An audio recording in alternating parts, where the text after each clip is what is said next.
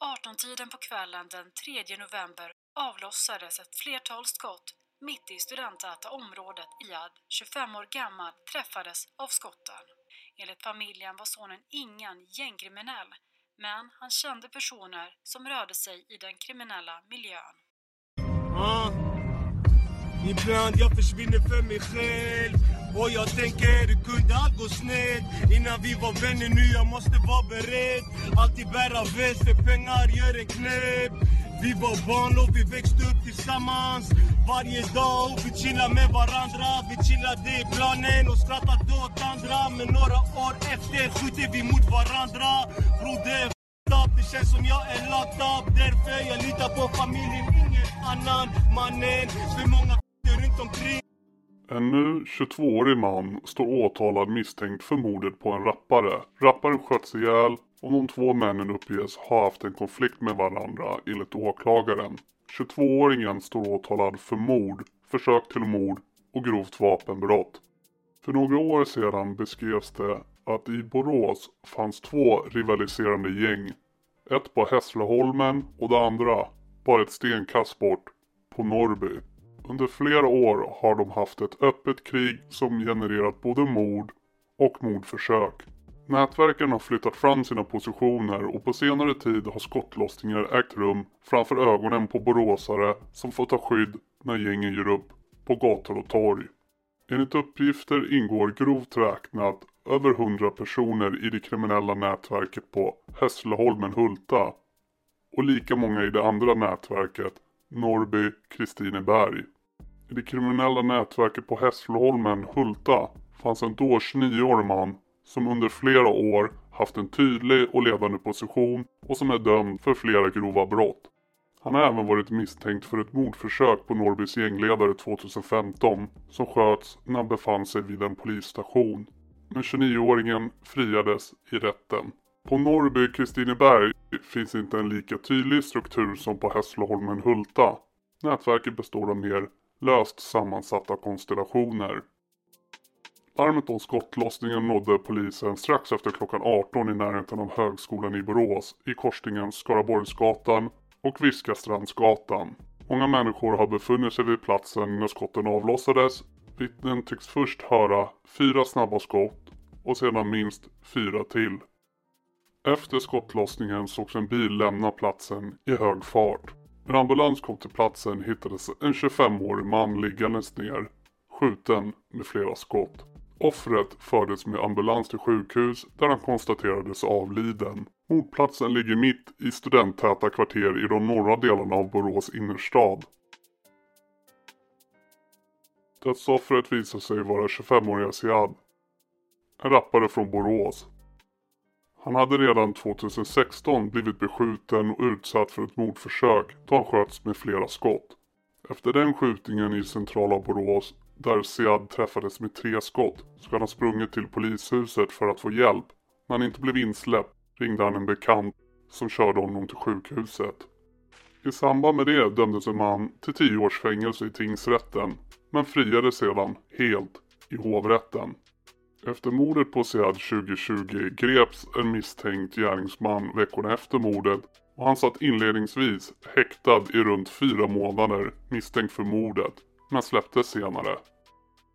I höstas under 2022 greps han på nytt för mordmisstankarna och den åtalade mannen har suttit häktad sedan september 2022. Han misstänks ha begått mordet på öppen gata i centrala Borås i november 2020 tillsammans med en eller flera andra okända personer.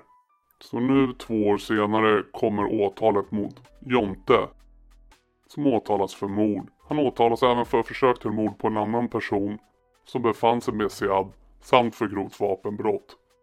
Samtidigt som åtalet mot den misstänkta skytten pågår det en annan rättegång vid Borås tingsrätt. Två poliser står åtalade för bland annat grovt tjänstefel då de misstänks ha bedrivit en egen utredning om mordet på Siad vid sidan om den riktiga mordutredningen. Skuggutredarna är misstänkta för att de bland annat ska ha påverkat vittnen och läckt till mordoffrets familj. Dessutom är stjärnadvokaten Björn Hurtig åtalad i samma mål misstänkt för att ha mutat en av de åtalade poliserna som tidigare arbetat som utredare på Hurtigs byrå. Mutan har enligt åtalet bestått i att pengar skickats till polismannen som också ska ha fått ett kontorsrum gratis på byrån och att Hurtig gett honom löfte om gratis advokathjälp. Enligt brottsmisstankarna finns det ett så kallat tjänstesamband då Hurtig också varit anlitad som försvarsadvokat i målet av en tidigare misstänkt. Också en biträdande jurist på Hurtigs byrå är åtalad i den rättegången. Kammaråklagare Andreas Ekengren presenterade sin lösning på mordet och enligt utredningen talar det väldigt starkt för att det finns en konflikt mellan de här två, säger han. På övervakningskameran har den mordåtalade och den mördade setts av någon form av konfrontation dagen före mordet. Det är inget slagsmål, det är mer ett möte. Man ser att de pratar och att det är småhetsig stämning, säger åklagaren. Enligt uppgifter ska Sead ha sagt till den misstänkte och åtalade Jonte att han inte får sälja narkotika i Norrbyområdet. Även uppgifter om att Sead har örfilat eller misshandlat Jonte vid något tillfälle har förekommit men inte kunnat bevisats. 2 november 2020, dagen före mordet. Klockan 17.43 ses två personer, vilka har identifierats som Jonte och Sead, då prata med varandra utanför salongen. Klockan 18.16 ses en person med liknande klädsel som Sead bar då, då han ses på övervakningsfilm från Norrby torg. Från klockan 18.07 till klockan 18.33 positionerar Sead i stadsdelen Norrby. Två mörkklädda och delvis maskerade män, vilka under utredningen har identifierats som Jonte och en annan man, ses på övervakningsfilmer vandra på stadsdelen Norrby från klockan 18.46 till klockan 18.53. I Norrby efter den händelsen så har enligt vittnen två maskerade killar gått fram till folk och visat ett vapen.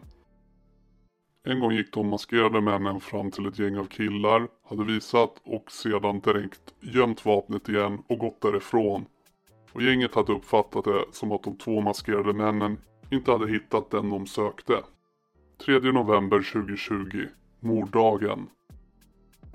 En vän till Sead uppger på eftermiddagen att han pratade med sin vän Sead via applikationen Snapchat och att de bestämde att de skulle träffas klockan 18 vid Seads flickväns bostad och ta en promenad. Klockan 16.05 går Sead in i butiken Eko i Knalleland tillsammans med sin flickvän och de befinner sig i kassan klockan 16.37.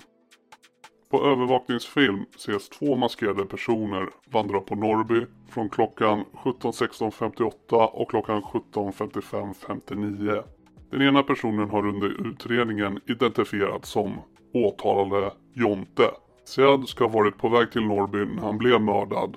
För Sead hade hört att de här två maskerade männen hade letat efter honom. Någon hade precis ringt innan han blev mördad och sagt detta varpå Sead sa “Jag kommer till Norrby”. Skjutningen av Sead filmades av en övervakningskamera vilken är placerad i parkeringshuset Kungsbron på andra sidan Skaraborgsvägen. På övervakningsfilm ses klockan 18.10.09 en person som under utredningen har bedömts vara Sead komma gående från bottenplan i fastigheten på Skaraborgsvägen. Sead har soppåsar i sina händer och går mot sophusen och försvinner ur bild bakom en pelare precis vid sophusen. Kort Därefter kliver två gärningsmän fram strax höger om fastigheten på Skaraborgsvägen 15. Den ena gärningsmannen går främst och håller ut armarna som om man håller ett vapen i en tvåhandsfattning samtidigt som man går i riktning mot soptunnorna där Sead befinner sig. Gärningsmannen som ser ut att hålla i ett vapen stannar till vid hörnet på fastigheten Skaraborgsvägen 15 och den andra gärningsmannen försvinner samtidigt tillbaka i samma riktning som de båda kom från. Skytten avlossar minst åtta skott mot Sead. Klockan 18.10.35 vänder gärningsmannen med vapnet sig om och försvinner även han i samma riktning som den andra gärningsmannen. Klockan 18.10.58 inkommer det första larmsamtalet till SOS. I förhör uppger vännen att i samband med att Sead slängde sopor kom det fram en person i buskarna som bar svart munskydd och svarta kläder med luva. Ytterligare en person kom fram vid hörnet av fastigheten och höll ett vapen med utsträckta armar. När vännen hörde första skottet började han springa för livet. Han tittar bakåt och ser att Sead också springer. Nästa gång vännen tittar bakåt så ligger Sead på marken. Ett vittne befann sig på Skaraborgsvägen när han hörde skottlossning och han uppfattade det som minst 6-7 skott. Vittnet sprang mot ICA City Knalleland och i samband med det iakttog han en bil.